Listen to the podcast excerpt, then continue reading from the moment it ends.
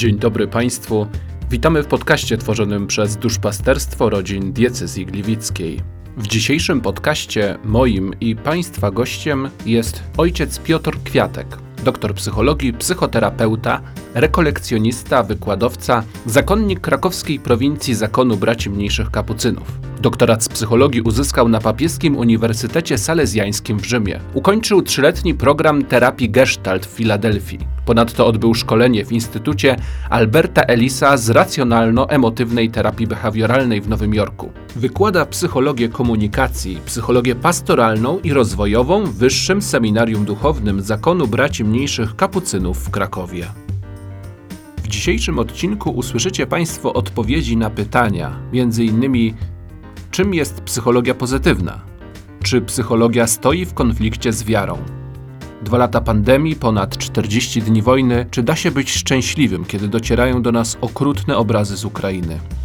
Czemu nie potrafimy się ze sobą komunikować i czy emocje są potrzebne w komunikacji? O czym ze sobą rozmawiać po wielu latach małżeństwa? Oraz jak komunikować się z dziećmi, nastolatkami i z seniorami? Zapraszamy.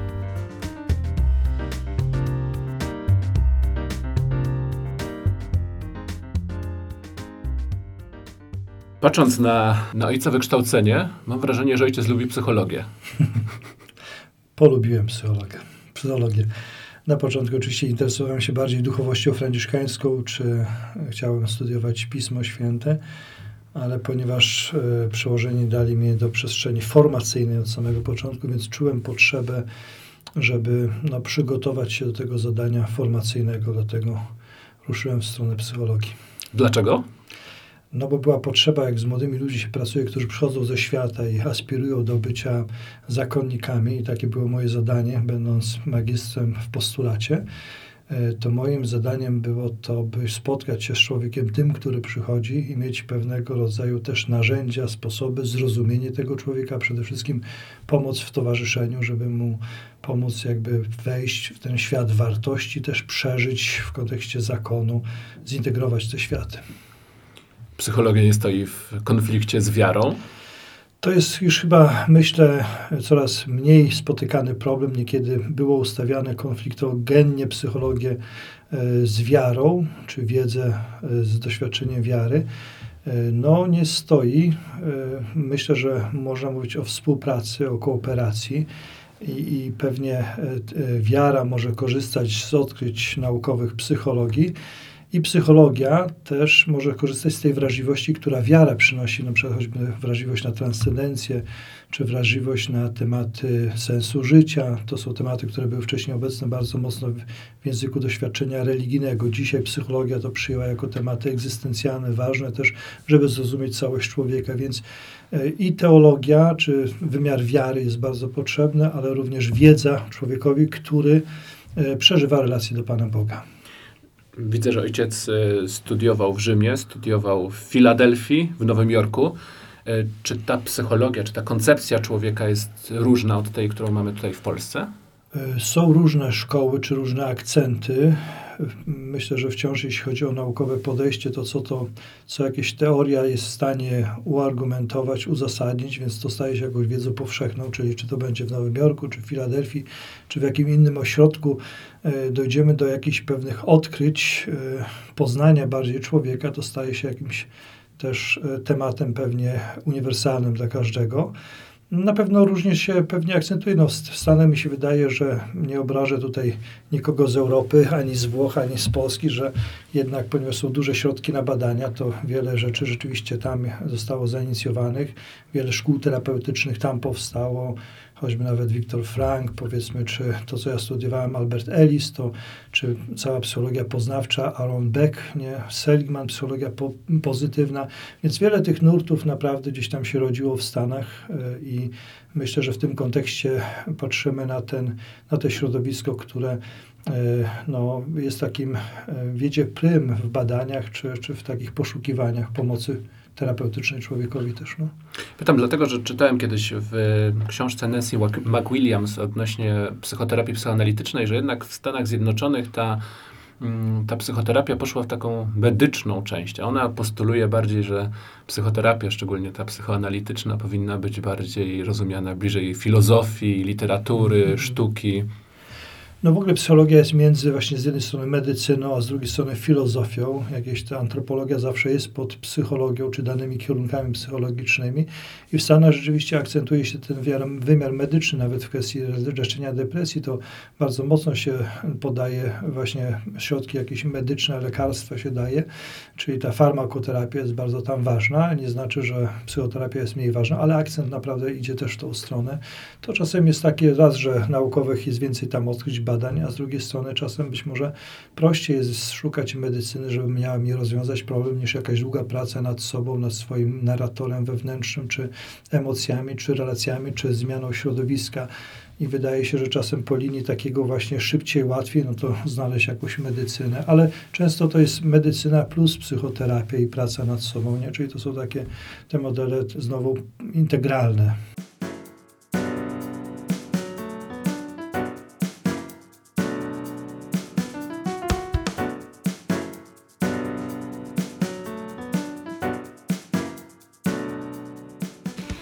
Ojciec zajmuje się psychologią pozytywną.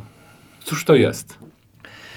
To jest przede wszystkim, trzeba powiedzieć, wiedza, która podejmuje, zajmuje się studium tego, co w człowieku, tym, co w człowieku jest dobre, pozytywne. Czyli e, pod koniec lat 90. Martin Seligman, jeden z założycieli psychologii pozytywnej, doszedł do wniosku, że mm, nauka, czyli psychologia w tym kontekście, mocno skupiła się na obszarach zaniedbań, problemów, dysfunkcji w człowieku. Nie? Czyli wracali weterani, znaczy z wojny żołnierze, nie byli w stanie się przystosować, mieli jakieś nerwice, napady jakichś lęków, mieli też ten pourazowy stres, różne mieli trudności. I psychologia pomaga rozwiązywać te problemy. Ale Martin Seligman zauważył, że nie zajmuje się tym, co jest pozytywne i dobre, a niekiedy to jest ważna też kwestia, sfera do rozwoju nauki i też terapii, że rozwijając rzeczy dobre, możemy też odpowiadać na rzeczy negatywne. Więc psychologia pozytywna zajmuje się całym człowiekiem, uwzględnia wymiar pozytywny, ale negatywny, ale ten pozytywny, dlatego ten akcent pada, ponieważ wcześniej w nauce i również w terapii ten pozytywny był pomijany. Więc dlatego w pierwszych też latach psychologia pozytywna była nazywana psychologią balansu, bo szukała jakiegoś takiego zwrócenia uwagi w stronę też realiów pozytywnych w życiu człowieka, które mogą mieć też wymiar terapeutyczny w tym znaczeniu, że ja nie muszę, kiedy pracuję z kimś w depresji, analizować jego konfliktów, przeszłości, pewnej dysfunkcji, opisywać dokładnie, tylko mogę też zastanowić się, jak mogę mu pomóc przez to, że będę budował coś, co jest związane z nadzieją, celami życia, sensem życia, czyli zająć się konstruktami pozytywnymi i to się będzie przekładało również na jego e, polepszenie w tej dysfunkcji, czyli zmianę tej dysfunkcji. W tym kontekście psychologia pozytywna zajmuje się negatywnością, ale pośrednio, ale główną troską jest to, żeby nie zgubić całego człowieka, w tym z wymiarami pozytywnymi. Jest to naukowe podejście e, do tego, co w człowieku jest dobre, czyli pozytywne emocje, pozytywny charakter, pozytywna struktura. Kiedyś tak dzielono na te trzy grupy wiedzy. A dzisiaj się mówi, że zajmuje się dobrostanem, to jest takie słowo abstrakcyjne, które określa temat szczęścia, ale słowo szczęście znowu jest rozumiane bardzo szeroko, nie tylko jako wymiar przyjemnościowy, ale również wartościujący, czyli wymiar pozytywny w kontekście sensu życia, zadań, celów itd. Za nami dwa lata pandemii, hmm. ponad 40 dni wojny w Ukrainie. No i pytanie, jak tu nie narzekać? E, czy da się być szczęśliwym? Czy da się poszukiwać tych e, zasobów, kiedy docierają do nas bardzo okrutne informacje i jeszcze okrutniejsze obrazy z Ukrainy. No, jak rozmawiam z ludźmi, to niewątpliwie ten czas pandemii, ale też czas wojny niesamowicie wpływa na jakość naszego życia czy poczucia. Są ludzie, którzy są przerażeni, są ludzie, którzy są niesamowicie zaangażowani do takiego stopnia, że gubią nawet kontakt pozy z pozytywnością. Niektórzy sobie nawet nie dają prawa, że w tym czasie mogą przeżywać pozytywność. To, co ja mówię, to pozytywność i potrzeba na okres spokoju, y, takiego kwitnięcia, funkcjonowania, uskrzydlenia, ale zwłaszcza wtedy, kiedy przeżywamy trudy, napięcia, niepewność, wtedy również te zasoby przydają się nam y, pozytywne, czyli nie można utracić kontaktu z emocjami pozytywnymi, czyli dbanie o to, żeby mieć pewnego rodzaju balans, higienę psychiczną, wtedy niezmiernie trzeba właśnie dbać o to. I w tych kontekstach na pewno będzie to inna forma radości czy inna forma szczęścia, ale myślę, że nie wolno pozwolić się też zepchnąć tak na margines funkcjonowania, że E, bo po pierwsze, że kiedy osłabimy sobie energię, życie, radość życia, to nie będziemy twórczo mogli pomagać konstruktywnie innym, a z drugiej strony też uderzymy w nasz system, który też pytanie, e, no będzie taki też, który nie będzie nam pomagał żyć, bo my musimy szukać formy egzystowania, funkcjonowania w różnych warunkach, nie tylko w warunkach, kiedy wszystko świeci słońce, prawda, wszystko jest po naszej stronie, ale wtedy, kiedy są przeciwności, trudności, czy nawet dramaty, e, te, o których ksiądz wspomniał, to w tych warunkach też musimy szukać też takiego życia, które ma sens, znaczenie. Nie? I myślę, że tutaj ten trud poszukiwania w takich emocjach pozytywności ma też sens.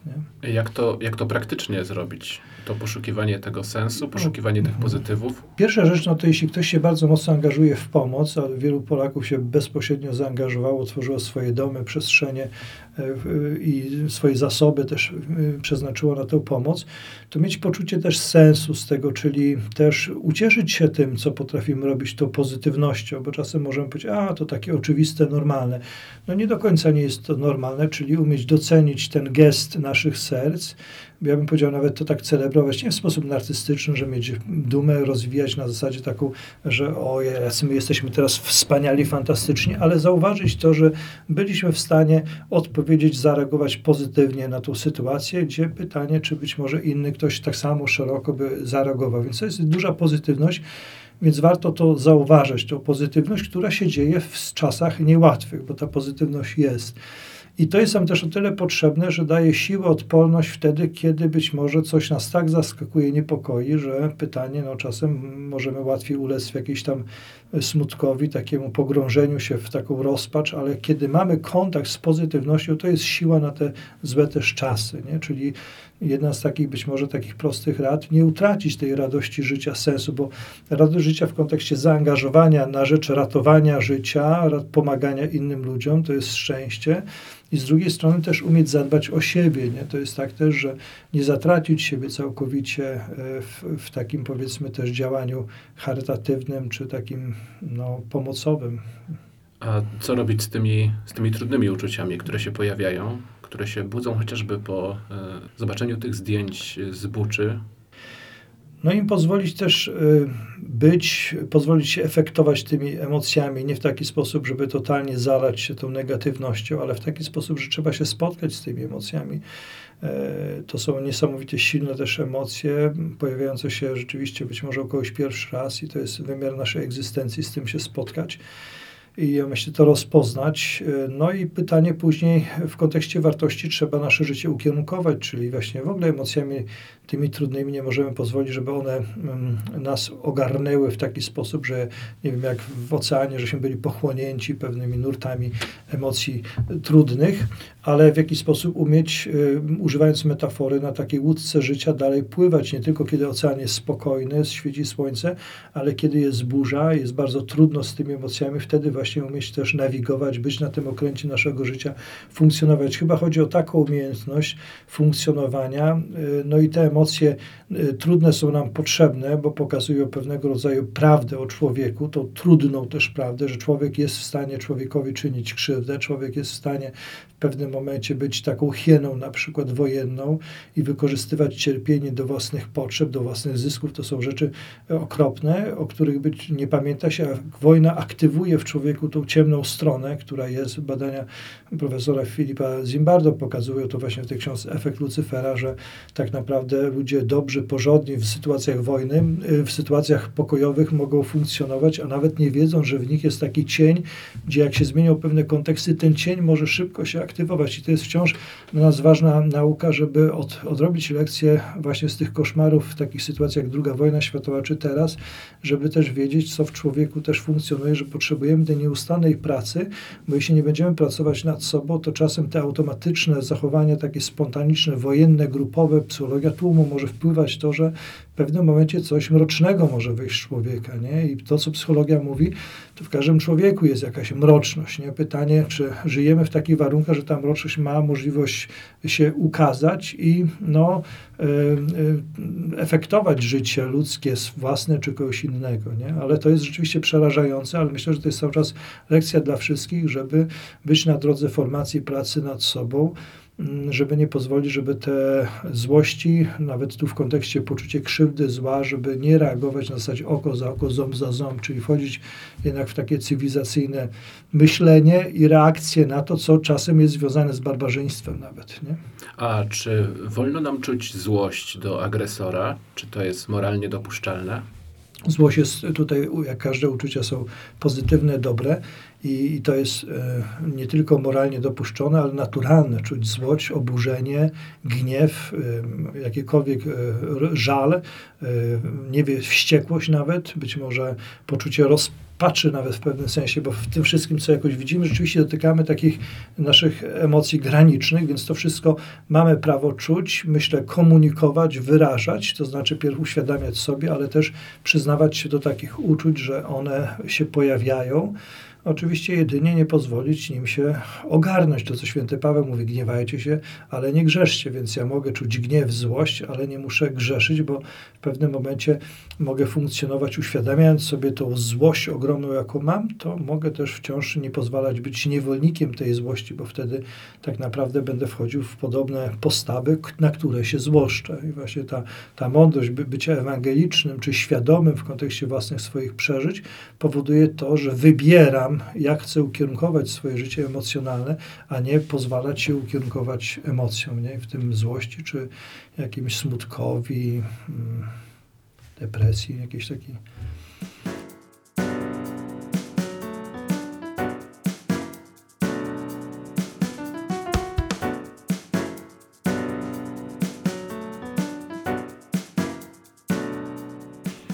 Jest ojciec w Gliwicach, prowadził ojciec warsztaty dotyczące komunikacji i może zadam pytanie w sposób negatywny.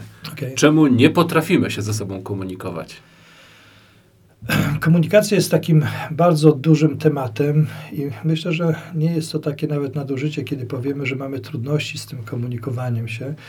Myślę, że odpowiedź taka najprostsza jest taka, bo brakuje nam edukacji, czyli to jest umiejętność, którą mamy się nauczyć. I pytanie, czy w szkole ktoś nas uczy komunikowania, bo wychodzimy z rodziny, gdzie mamy różne modele e, rozmowy, słuchania, braku słuchania, być może rozwiązywania konfliktów w sposób przemocowy i tak dalej. No i to, co wyciągamy z rodziny, wchodzimy później w inne konteksty społeczne, czy to będzie zawodowy kontekst, czy to będzie kościelny, czy rodzinny.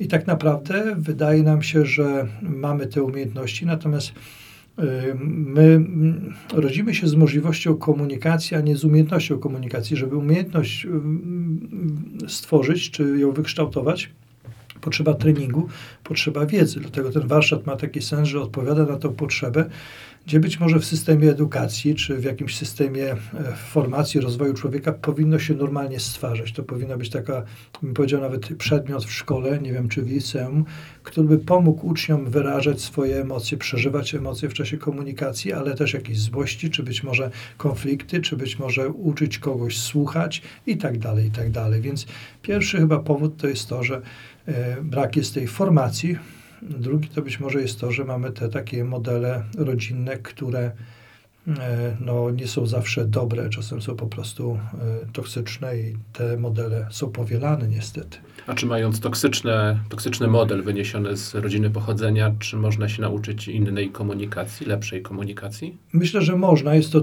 być może trudniejsze, trzeba więcej starania, wysiłku poświęcić, żeby coś przepracować, zmienić jakąś formę reakcji, myślenia o kimś, prawda? Ale ale jest tutaj ogromna też nadzieja, właśnie, bo wychodząc nawet z doświadczeń, z braku edukacji, nie oznacza, że tego nie, nie można przepracować, bo, bo można to tak, może nie, nie będzie to element perfekcyjny, jak naukę na gitarze czy na pianinie. Można się nauczyć, może ktoś nie będzie wirtuozem, ale może w taki sposób, że mu to będzie jakoś sprawiało frajdę, czy być może w pewnym momencie będzie to komuś innemu mogło sprawiać frajdę. I komunikacji można się nauczyć. To jest pierwsze przesłanie pozytywne, że to można rozwijać, komunikację można udoskonalać. Nie? Jakakolwiek ona nie jest, z jakiegokolwiek poziomu ktoś nie startuje, to można tutaj zakres kompetencji komunikacyjnych rozwijać. Y, wspominał już ojciec o emocjach. Czy one są potrzebne w komunikacji? One są bardzo potrzebne w życiu, ale również w komunikacji, bo emocje mogą bardzo mocno podkreślać nasz przekaz, nie? Bo jeśli mówimy komunikacja, to jest treść, ale w komunikacji jest relacja, jest też pewnego rodzaju apel, nasze potrzeby, ale też autoprezentacja. Więc y, jakby w tych czterech wszystkich obszarach y, emocje pełnią bardzo ważną rolę. Czyli na przykład jeśli ja w komunikacji chcę powiedzieć, że jestem zmęczony, to mogę powiedzieć, jestem zmęczony, a mogę pokazać to mimiką twarzy, mogę to wyrazić w taki sposób tonem głosu i tak dalej. Więc to wszystko, komunikacja niewerbalna, emocje będą podkreślały dany przekaz. Nie? Jeśli zależy mi na tym, żeby apel, czy osiągnąć pewien skutek w komunikacji, dążyć do czegoś, to mogę mm, stanowczo powiedzieć, zależy mi na tym, żeby to było zrobione, zaangażować emocje, albo przeżywam radość, czy jestem dumny z czegoś, prawda? I to emocje znowu są niesamowicie ważne, bo jak mogę komuś na przykład racjonalnie powiedzieć, wiesz, jestem dumny z Twoich osiągnięć i powiem to na zasadzie racjonalności, a mogę pokazać emocjami. To jest niesamowite, co osiągnąłeś. Bardzo się cieszę i wspaniała sprawa i, wyka- i pokażę to emocjonalnie, więc one są konieczne. Bym powiedział, że nawet wprowadzenie komunikacji do przekazu informacji, tylko do treści, no to jest taka uboga forma komunikacji, więc warto też dbać o tak zwaną spójność komunikacji między treścią a emocjami i też nie zaniedbywać tych emocji, nie? A co się bierze, co się dzieje, kiedy emocje biorą górę w komunikacji? No wtedy trudno nam będzie cele realizować, a też przekazać treść, nie? bo może być sytuacja, że ktoś przeżywa silne emocje i teraz te emocje raz mogą pomagać przekazać pewne moje treści czy osiągnąć cel podejmowanej rozmowy, ale są silne emocje, to niekiedy mogą być skutek odwrotny, czyli mi przeszkodzić, że ja nie będę w stanie wyrazić, nie? I czasem ja mówię tak, że jeśli ktoś, jak jest, jest kłótnia na przykład małżeńska, E, to być może jeśli nie jesteś w stanie teraz słuchać, ani wypowiadać spokojnie treści, które chcesz zakomunikować, no to dobrze jest odroczyć, ale powiedzieć, słuchaj, dzisiaj nie jestem w stanie z tobą porozmawiać na ten temat, spróbujmy o tym jutro porozmawiać, ale nie jest to milczenie takim, którym kogoś karze, prawda, czy, czy, czy próbuje manipulować, oddziaływać na niego, tylko potrzebuję milczenie dla siebie, żeby słowo do mnie, u mnie dojrzało, ale też, że emocje, żeby wróciły na pewne miejsce właściwie, że mógł jutro, następnego dnia z emocjami, ale może nie aż takimi coś zakomunikować. Trochę jak z wodą, kiedy jest zburzona woda, mogę nie widzieć e, dna i, i to wszystko jest zamęcone i czasem w życiu emocjonalnym jest tak dużo, jeśli nagromadzonych jest tyle różnych emocji, jeszcze te z historii na przykład są emocje, bo może być sytuacja, że jest prozaiczne wydarzenie, ale uruchamia mi tak zwane emocje z przeszłości i wtedy jest bardzo silne przeżycie pewnych stanów i to może utrudniać nie tylko komunikację, procesowanie, ale nawet wybór słów, sposób relacjonowania się i to może być przeszkodą i utrudniać budowanie więzi. A propos małżeństwa, konfliktów małżeńskich i rozmowy pomiędzy małżonkami, o czym ze sobą rozmawiać po 15-20 latach małżeństwa, kiedy już się praktycznie wszystko wie, zna się zachowania współmałżonka, wady współmałżonka, o czym ze sobą rozmawiać? To jest pytanie, czy wszystko się wie, bo tak naprawdę człowiek cały czas jest w drodze, rozwija się i pewne nowe rzeczy przeżywa. I kiedy w pewnym momencie wejdziemy w pułapkę, że ja już wiem o kimś dużo albo wystarczająco dużo i przestaję pytać, to przestaje naprawdę go znać, rozumieć, bo my się zmieniamy też i teraz cały czas ważne jest o tym, by rozmawiać o swoim życiu, o swoich potrzebach, nie? I tu jest duży problem, że na przykład jeśli w relacjach intymnych, bliskich, czy przyjaciele, czy, czy dobrzy znajomi, czy mąż, żona, rozmawiamy tylko na tematy e, takie rzeczowe, albo tematy związane z pracą, z funkcją, albo z obowiązkiem rodzicielskim, to w pewnym momencie możemy nie mówić już o sobie, o moich potrzebach, o moich pragnieniach, sposobie na nie odpowiedzi. No i wtedy też gdzieś coś może być takim problematycznym w tej więzi, bo w jakiś sposób trzeba gdzieś głęboko mówić i o swoich pasjach, swoich marzeniach, próbować ciągle odpowiadać na nowe sytuacje kultura się zmienia, kontekst się zmienia, my trochę się też zmieniamy i dlatego potrzeba nieustannie komunikować, żebyśmy w tych nowych okolicznościach cały czas wiedzieli, z kim mamy do czynienia, jak funkcjonujemy razem, gdzie my jesteśmy. Nie? Choćby nawet ten czas teraz wojny, czy czas pandemii. Bardzo mocne to są faktory zmiany. Nie? Po pierwsze jest, jeśli chodzi o pandemię, to wzmocnienie izolacja, smutku, pewnego poczucia bezradności.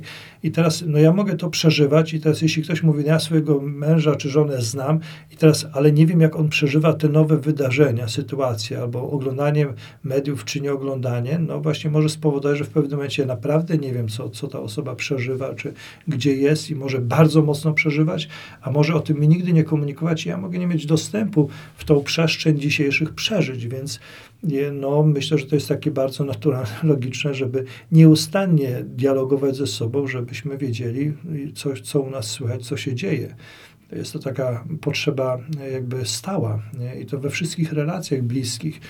E, bo ten człowiek przed 20 lat już jest dzisiaj trochę innym człowiekiem. Nie można bazować na bazie 20 e, lat tego, co było czy 10 lat temu, że ja wiem coś o tobie. Tak, pewne rzeczy wiem, pewne twoje mechanizmy funkcjonowania, słowa, reakcje, ale jest wiele rzeczy nowych, których być może ja nie poznałem, albo w tym kontekście one powstały nowym. Tylko często małżonkowie mówią o takiej sytuacji, że po prostu nie mają czasu. Jest tempo mhm. życia tak duże, że ich rozmowy mm, ograniczają się do kwestii funkcjonowania rodziny. To jest takie błędne założenie. Ja z tym określeniem nie mam czasu walczę, dlatego że często mówię, że wszyscy mamy czas. To brzmi tak paradoksalnie, ale każdy z nas ma 24 godziny, nie mamy 25, nie mamy 23.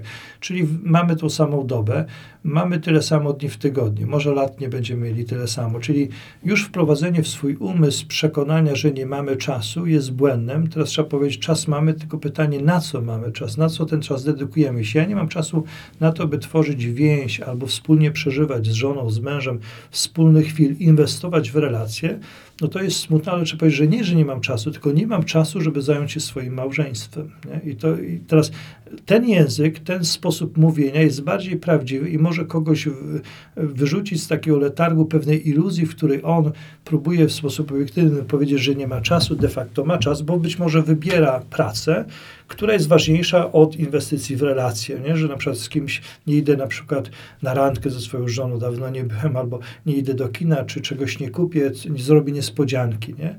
Pytanie, czy rzeczywiście, jeśli nie mam na to czasu, to co jest dla mnie ważne? I teraz właśnie ten bałagan w tych priorytetach może spowodować to, że w pewnym momencie praca, być może rekreacja, komputer, być może kolejny serial, to wszystko jest ważniejsze od tego, by budować jakościowo relacje z drugim człowiekiem, z żoną, z mężem.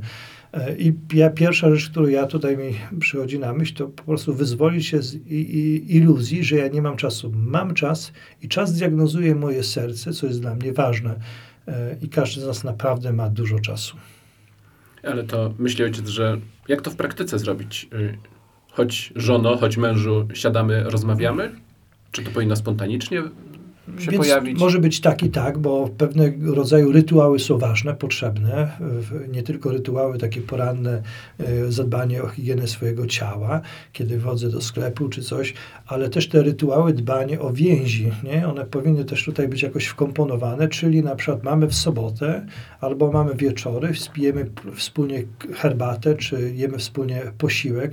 Proszę zauważyć, że te rytuały, właśnie uciekamy z tych rytuałów, czyli coraz mniej mamy wspólnych posiłków i tak dalej. Trzeba powracać do pewnych rzeczy, takich priorytetowych, w których ten, ta formuła rytuału ma nam jedynie pomóc. Dlaczego w sobotę nie zarezerwować dnia dla siebie, wyjść na spacer i stworzyć z tego regułę? Sobotę, w niedzielę to jest czas naprawdę na Boga, na rodzinę i, i nie, nie podejmuję się żadnych innych. Oczywiście też mam czas na odpoczynek, ale dla mnie czas to jest to, żeby z dzieciakami wyjść pograć piłkę, czy z żoną pójść do kina, czy na spacer, nie? I to można trochę, bo łatwo jest uciec. No wartości wymagają trudu, i życie nimi wymaga też zaangażowania i wysiłku. No i teraz jeśli ktoś chce iść po niskiej linii oporu, cały czas właściwie nie zmagać się z sobą, no to będzie unikał tego, co jest trudne. A trud wymaga to, że ja z kimś rozmawiam, proponuję coś, co jest trudniejsze niż siedzenie przed telewizorem na przykład, nie? Ale myślę, że spontaniczne są bardzo ważne reakcje, a z drugiej strony też jakiś zaplanowany taki model, co jest dla nas ważne, jak chcemy to realizować. Nie taka jasność pewna, nie?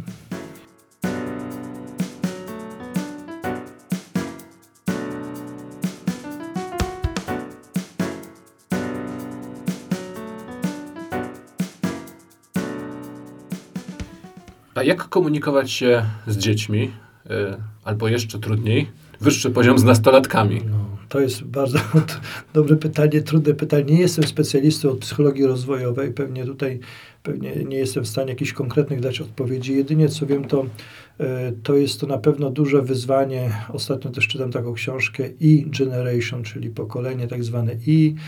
E, te pokolenia się bardzo szybko teraz zmieniają, czyli mamy z innym, e, nasze doświadczenie dzieciństwa czy dorastania jest zupełnie innym kontekstem, żyją dzisiaj młodzi ludzie, więc Pierwsze, żeby zrozumieć trochę, że to są ludzie z innego świata i wsłuchać się znowu. Kluczem do komunikacji jest słuchanie, czyli jeśli ja mam na, nastolatkami, to, to warto szukać jednak komunikacji, rozmowy z nimi, żeby ich poznać, czyli nie przerzucać swojego doświadczenia. Za moich czasów to było tak, powinno tak być. Dobrze, to było 30-40 lat temu, albo nawet 20 lat temu. Teraz te zmiany pokoleniowe są nawet w ciągu 10 lat. Prawda, jest inne jeszcze pokolenie obecne od tego, które było, na przykład rodziło się w 90 latach, inne jest te, które się rodzi na przykład w 2000 roku i tak dalej. Więc yy, i teraz, żeby cokolwiek wpływać na człowieka formacyjnie, rozwojowo, to dobrze jest zrozumieć tego człowieka, nie? Więc tam są zasoby, są pewne wady. No i teraz to trzeba poznać, nie? Ten świat, w którym młody człowiek żyje. To znaczy choćby nawet technologia, funkcjonowanie w świecie technologii, to jest dla młodego człowieka ważne. Czasem bierze, identyfikuje się po tej opinii zwrotnej, którą otrzyma na Facebooku, czy na Twitterze, czy na innych środkach medialnych, więc dla niego tam jest budowanie jakiejś tożsamości. Nie? I, I dla niego ten świat jest tam ważny, czy dostanie tyle lajków, czy innych. E, I inaczej my możemy jako dorośli przeżywać, którzy się nie wychowaliśmy z komputerem czy z telefonem w ręku, a inaczej oni, gdzie być może już nawet rodzice od wczesnych lat, e, żeby mieć spokój, to dawali dzieciom tablety, czy powiedzmy gry, żeby tak naprawdę mogli co zrobić, pójść do pracy, zająć się sobą. No i to dziecko dzisiaj takie e, właśnie przebodźcowane funkcjonuje sobie w tym świecie i myślę, że bardzo ważne jest takie podjąć próbę diagnozy tego dziecka i żeby dać odpowiednie leki, to muszą być odpowiednia diagnoza. I tutaj tak samo w kontekście wychowania, bez zrozumienia młodego człowieka, nastolatka, tego okresu też mm, prze, przejścia, przełomu, wchodzenia w dorosłość, wychodzenia z dzieciństwa. To jest bardzo trudny okres, sam z natury zawsze był trudny, kryzysowy a tym bardziej w tym kontekście, gdzie nie ma być może wsparcie, nie ma jakiegoś autorytetu, nie ma punktów jakichś stałych odniesienia, te wartości klasyczne, jak rodzina, e, czy, czy wartości kościoła gdzieś są kwestionowane, więc temu człowiekowi no, trudno jest jakoś znaleźć swoją też tożsamość, jeszcze trudniej, bo nie ma punkty chwiejne czy mobilne odniesienia, już nie ma takich stałych wartości, gdzie może się odnieść, więc tym bardziej potrzeba pewnie takiego trudu wsłuchania się, zrozumienia tego, czym żyje ten młody człowiek. Nie? Co ojciec powiedział rodzicom y, nastolatka, który mówi, nie chce chodzić do kościoła? Przymuszać, nie przymuszać? No i ta mądrość pedagogiczna znowu jest też, żeby wiedzieć kiedy i co przymuszać, jak przymuszać, bo przymus nie musi oznaczać jakiejś powiedzmy przemocowości w tym wszystkim. Przymus może być związany z tym, że ja naprawdę tłumaczę wartości, jakie są w tym domu, dlaczego y, no, w tym domu na przykład tak postępujemy i pewne zasady do pewnego wieku młody człowiek przyjmuje, czy mu się y, podoba, czy nie. I to jest kwestia właśnie znowu tłumaczenia, uzasadniania, ale cały czas chodzi o to, żeby wejść w ten proces interioryzacji wartości, czyli żeby młody człowiek poznał, dlaczego ewentualnie my wybieramy tą drogę, dlaczego ona jest wartościowa, może być wartościowa dla ciebie. Więc chodzi tutaj bardziej nie o narzucenie zewnętrznych y, takich nakazów, masz iść do kościoła, tylko pomoc zrozumienia, skąd się wie, że ten opór, że dziecko nie chce iść, bo być może rówieśnicy już nie chodzi, jest jedynym marsjaninem w klasie, który chodzi do kościoła, więc trzeba zrozumieć, ok, skąd się ten opór bierze, aby być może z tym, że już ten Kościół jest mało zrozumiały, czyli pytanie, czy ja jako dorosły nie jestem wezwany do pewnej katechezy, żeby pomóc mu zrozumieć ten Kościół. E, więc z jednej strony dorosły świadectwo daje, ale pewną też wiedzę. Bardzo ważny jest ten aspekt wiedzy, bo młodzi ludzie mają ciekawe pytania, szukają i czasem nie mają odpowiedzi. I tych odpowiedzi nie daje im Kościół, nie dają duszpasterze niekiedy i nie dają rodzice. Więc teraz on sobie pokwestionuje pewne wartości klasyczne jak Kościół i szuka odpowiedzi, bo ma otwarty umysł niekiedy i nie dostaje odpowiedzi odpowiedzi. A czasem może wchodzić w też takie bezdroża. To może być jakaś taka filozofia też, którą spotyka właśnie w internecie, w telewizji, czyli ulegać jakimś takim y, modom, prawda? I wtedy też trzeba wiedzieć, czy to nie jest takie właśnie kroczenie, że jak wszystkie wrony kraczą w taki sposób, to żeby być takim y, właśnie odpowiedź na tą potrzebę y, stowarzyszenia, rozpoznania, czy bycia zauważonym w, w środowisku, no to wolę krakać tak, jak wszyscy kraczą moi koledzy, bo to jest teraz modne, to jest tak zwane, młodzi by powiedzieli cool, czyli takie dobre. I też nie chcę być dziwakiem w swoim środowisku, więc trochę znowu taka uważność wsłuchania się, gdzie jest ten problem tego dzieciaka, dlaczego on na przykład nie chce iść do kościoła, bo problem może być nie jego, tylko mój sposób przekazywania wartości, bo tak samo można dzieciaka zranić przymusem, kiedy nagle będę zmuszał i, i on w jakiś sposób, no dobrze, pójdź do kościoła, bo, bo jest taka zasada, bo ojciec czy matka mi każe, ale tak naprawdę duchowo już jest daleko od kościoła i tylko będzie miał 18 lat, to przestanie chodzić. Często tak się właśnie zdarza, więc to jest mały sukces, kiedy przymusimy kogoś, bo przymus jest y, krótkoterminowym rozwiązaniem. Nie? I, I, bez, bez tego tłumaczenia, zrozumienia katechezy, wyjaśniania, pokazania piękna Kościoła, y, sensu, logiki, dlaczego to chodzę, to pewnie będzie bardzo trudno kogoś dzisiaj y, zaprosić do Kościoła z młodych ludzi. Nie? I tak, może jeszcze ostatnie pytanie, przechodząc już od, od młodzieży, a przejdźmy na drugi kraniec. Pytanie o osoby starsze jak się z osobami starszymi komunikować, bo czasami dużo osób też mówi, że tu jest problem, czasami trudniej jest się komunikować. Jak z nimi rozmawiać? No, kompetencje komunikacyjne oznaczają, że jestem w stanie dostosować treść i sposób komunikacji do osób, nie do poziomów mojego odbiorcy.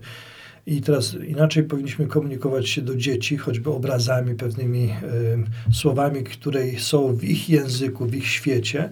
Y, I z drugiej strony osoby starsze też zaczynają zmieniać się, zaczynają zapominać pewne rzeczy, y, zaczynają też być może częściej żyć przeszłością i tak dalej. Cokolwiek tam się pojawia, znowu warto zrozumieć tego seniora, i być może tutaj z nim też rozmawiać. No, myślę, że taką w ogóle rzeczą jest ciekawą, żeby wykorzystać ich zasoby, ich wiedzę, ich doświadczenie, w ogóle zainteresować się ich życiem, ale też pokazać, że ta starość nie musi być taka negatywna, bo czasem jest takie nawet powiedzenie, starość Panu Bogu się nie udawa. Nie? I teraz ktoś może wchodzić w ten etap jesienności życia z takim poczuciem. Jest to ciężki okres, bo rzeczywiście wymagają te osoby wsparcia, tak jak dziecko wymaga wsparcia więcej. Przychodzi moment, że taki człowiek znowu staje się jak dziecko, czyli jest nieporadny, zapomina o czymś, już nie jest w stanie czegoś zrobić, nawet sobie pójść zakupy zrobić. Więc to jest bardzo trudny okres, wymagający wsparcia od strony najbliższych. Ale teraz ten okres warto zrozumieć, ale komunikacyjnie też go przeżyć. Pytanie, no, na jakie tematy, w jaki sposób rozmawiać czasem z dziadkami. I niektórzy świetnie sobie tutaj no, zdają egzamin ten, bo potrafią rozmawiać w ogóle w komunikacji, w słuchaniu ważny jest temat, żeby nie narzucać tylko tego, co jest dla mnie ciekawe, ale umieć rozmawiać, co jest dla ciebie ciekawe. Czyli z seniorami można zapytać się, wydobyć z nich te zasoby, co dla nich jest ciekawe, pozytywne, co o czym chcieliby oni porozmawiać i myślę, że nie narzucając swojego świata. Oczywiście, jeśli ktoś jest bardzo mocno w takiej e, e, monologu negatywności, ciągłego żalu, pretensji, to można w jakiś sposób też szukać i go konfrontować, zapraszać go do pewnego innego stylu spojrzenia. Ja czasem mówię, no, że y, y, nie, mo, moich znajomych starszych, to czasem już nie pytam, co u ciebie słychać, bo jak to jest taki punkt wywoławczy do negatywności, krytyki, żalu, to pytam się, co dobrego u ciebie słychać. Nie? Tak mówię z moim tatą, czasem mówię, że jak pytam go, co dobrego, i wtedy właśnie jest taki trud poszukiwania, ale to jest też wydobywania z człowieka wspomnień tego, co było, albo świeżo, co było teraz w tych dniach dobrego, albo co było w przeszłości dobrego, bo gdzieś ten człowiek ma tendencję. Więc tutaj bym też dawał takie wyzwania dla osób starszych, że nie tylko właśnie przyjmować z jednej strony taką opcję, którą oni wybierają, styl, kierunek, ale też lekka taka prowokacja pozytywna, żeby zaproponować wam coś jeszcze nowego. To tak jak z ćwiczeniami dla ciała. No, osoba starsza już powiedzmy, niektórzy już nie chcą się ruszać, to czasem, no dobrze, poruszaj się, idź na spacer, nie? Propozycja, albo zagraj w szachy z kimś, albo rozwiąż krzyżówkę, nie? Czyli dodajemy taki zwany challenge, wyzwanie. To tutaj relacyjnie też można dokonywać pewnych wyzwań. Myślę, że cała sprawa jest bardzo ważna, nasze społeczeństwa też się starzeją, europejskie w ogóle i teraz ważne jest to duszpasterskie podejście i psychologiczne do osób starszych, żeby zrozumieć ich zasoby, kryzysy, trudności, które mają. I znowu tu myślę, że jest wiele do zrobienia. Ja rzucam pewne takie, myślę, że hasła, ale myślę, że wielu na przykład wspólnotach e, no, brak jest takiego też zrozumienia tego etapu rozwojowego, nie? Starszych. Ja przynajmniej, kiedy sobie kupiłem Psychologia Starzenia, taką książkę i zawsze sobie mówię, dobrze jest czas, żeby to przestudiować, bo w duszpasterstwie bardzo dużo spotykamy ludzi seniorów, nie? I to jest kwestia nawet języka, kwestia, jak im tłumaczyć pewną teologię, nie? No pewnie tutaj trzeba dużo i cierpliwości, ale też zrozumienia, że niektórzy starszych drzew się mówi, nie, przes nie przesadzę się i też zrozumienia takiej tolerancji, że niektórzy starsi będą jednak w tym paradygmacie nauczonego myślenia, stylu funkcjonować, że niekiedy nie zmienimy tego, nie? I to jest też taka mądrość zaakceptowania tego. Bardzo serdecznie dziękuję ojcu za ten czas poświęcony, za rozmowę, za spotkanie. Dziękuję, bardzo miło mi się rozmawiało.